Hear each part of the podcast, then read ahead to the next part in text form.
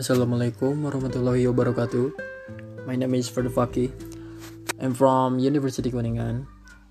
So today, I will restate about podcast that the lecturer has given to me.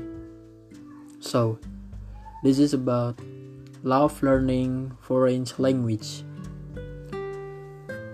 So, the best place to meet a lot of polyglots is an event where hundreds of language lovers meet in one place to practice their language. There are several such polyglot events organized all around the world. And so she, the girl on the video, decided to go there or also asked to go there and ask polyglots about the methods that they use. And so she met Benny from Ireland, who told me that his method is to start speaking from day one. He learns a few phrases from a travel press book and goes to meet native speakers and starts having conversations with them right away. He doesn't mind making even 200 mistakes a day because that's how he learns based on the feedback.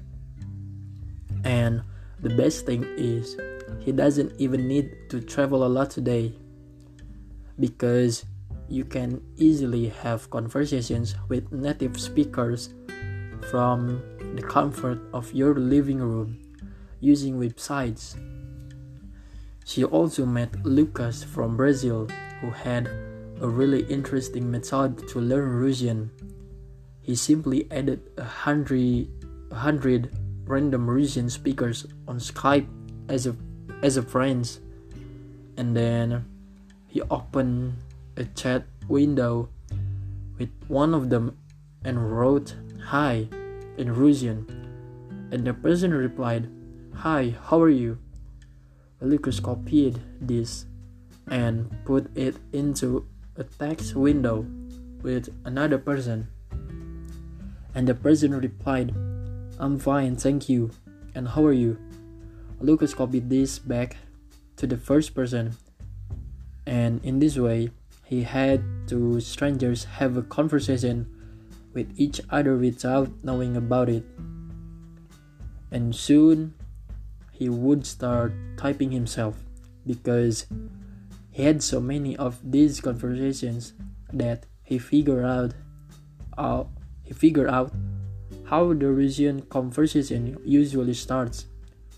What an ingenious method, right? And then she met polyglots who always start by imitating sounds of the language, and others who always learn the 500 most frequent words of the language, and yet others who always start by reading about the grammar. If she asked a hundred different polyglots, she heard a hundred different approaches to learning language.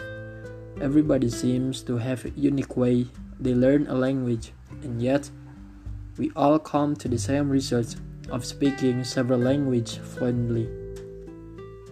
And as he was listening to these polyglots, telling her about their methods, it suddenly dawned on her.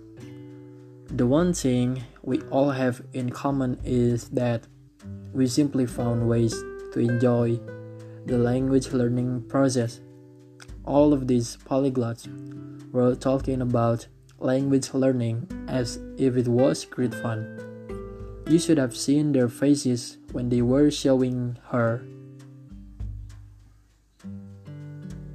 their color, their colorful grammar charts, and their carefully handmade flashcards, and their st- and their statistic about learning vocabulary using apps or even how they love to cook based on recipes on a on based on recipes in a foreign language I mean and all of them use different methods, but they always make sure it's something that they personally enjoy.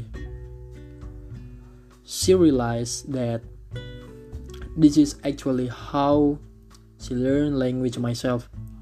When she was learning Spanish, she was bored with the text in the textbook. I mean, who wants to read about José asking about the direction to the train station, right?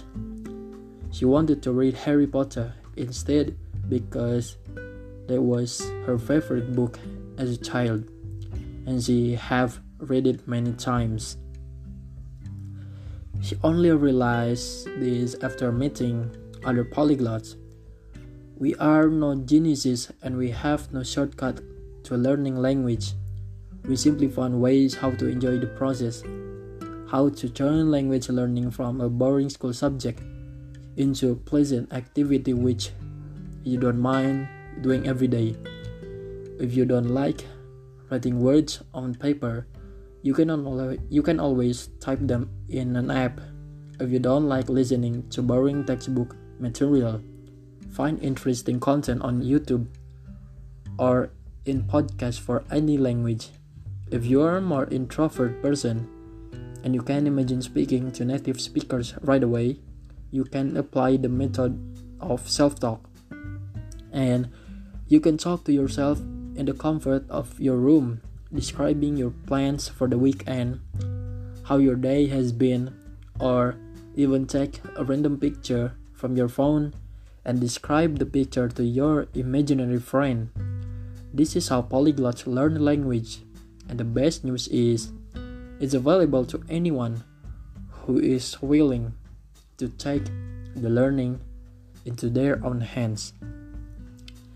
Maybe that's all from me.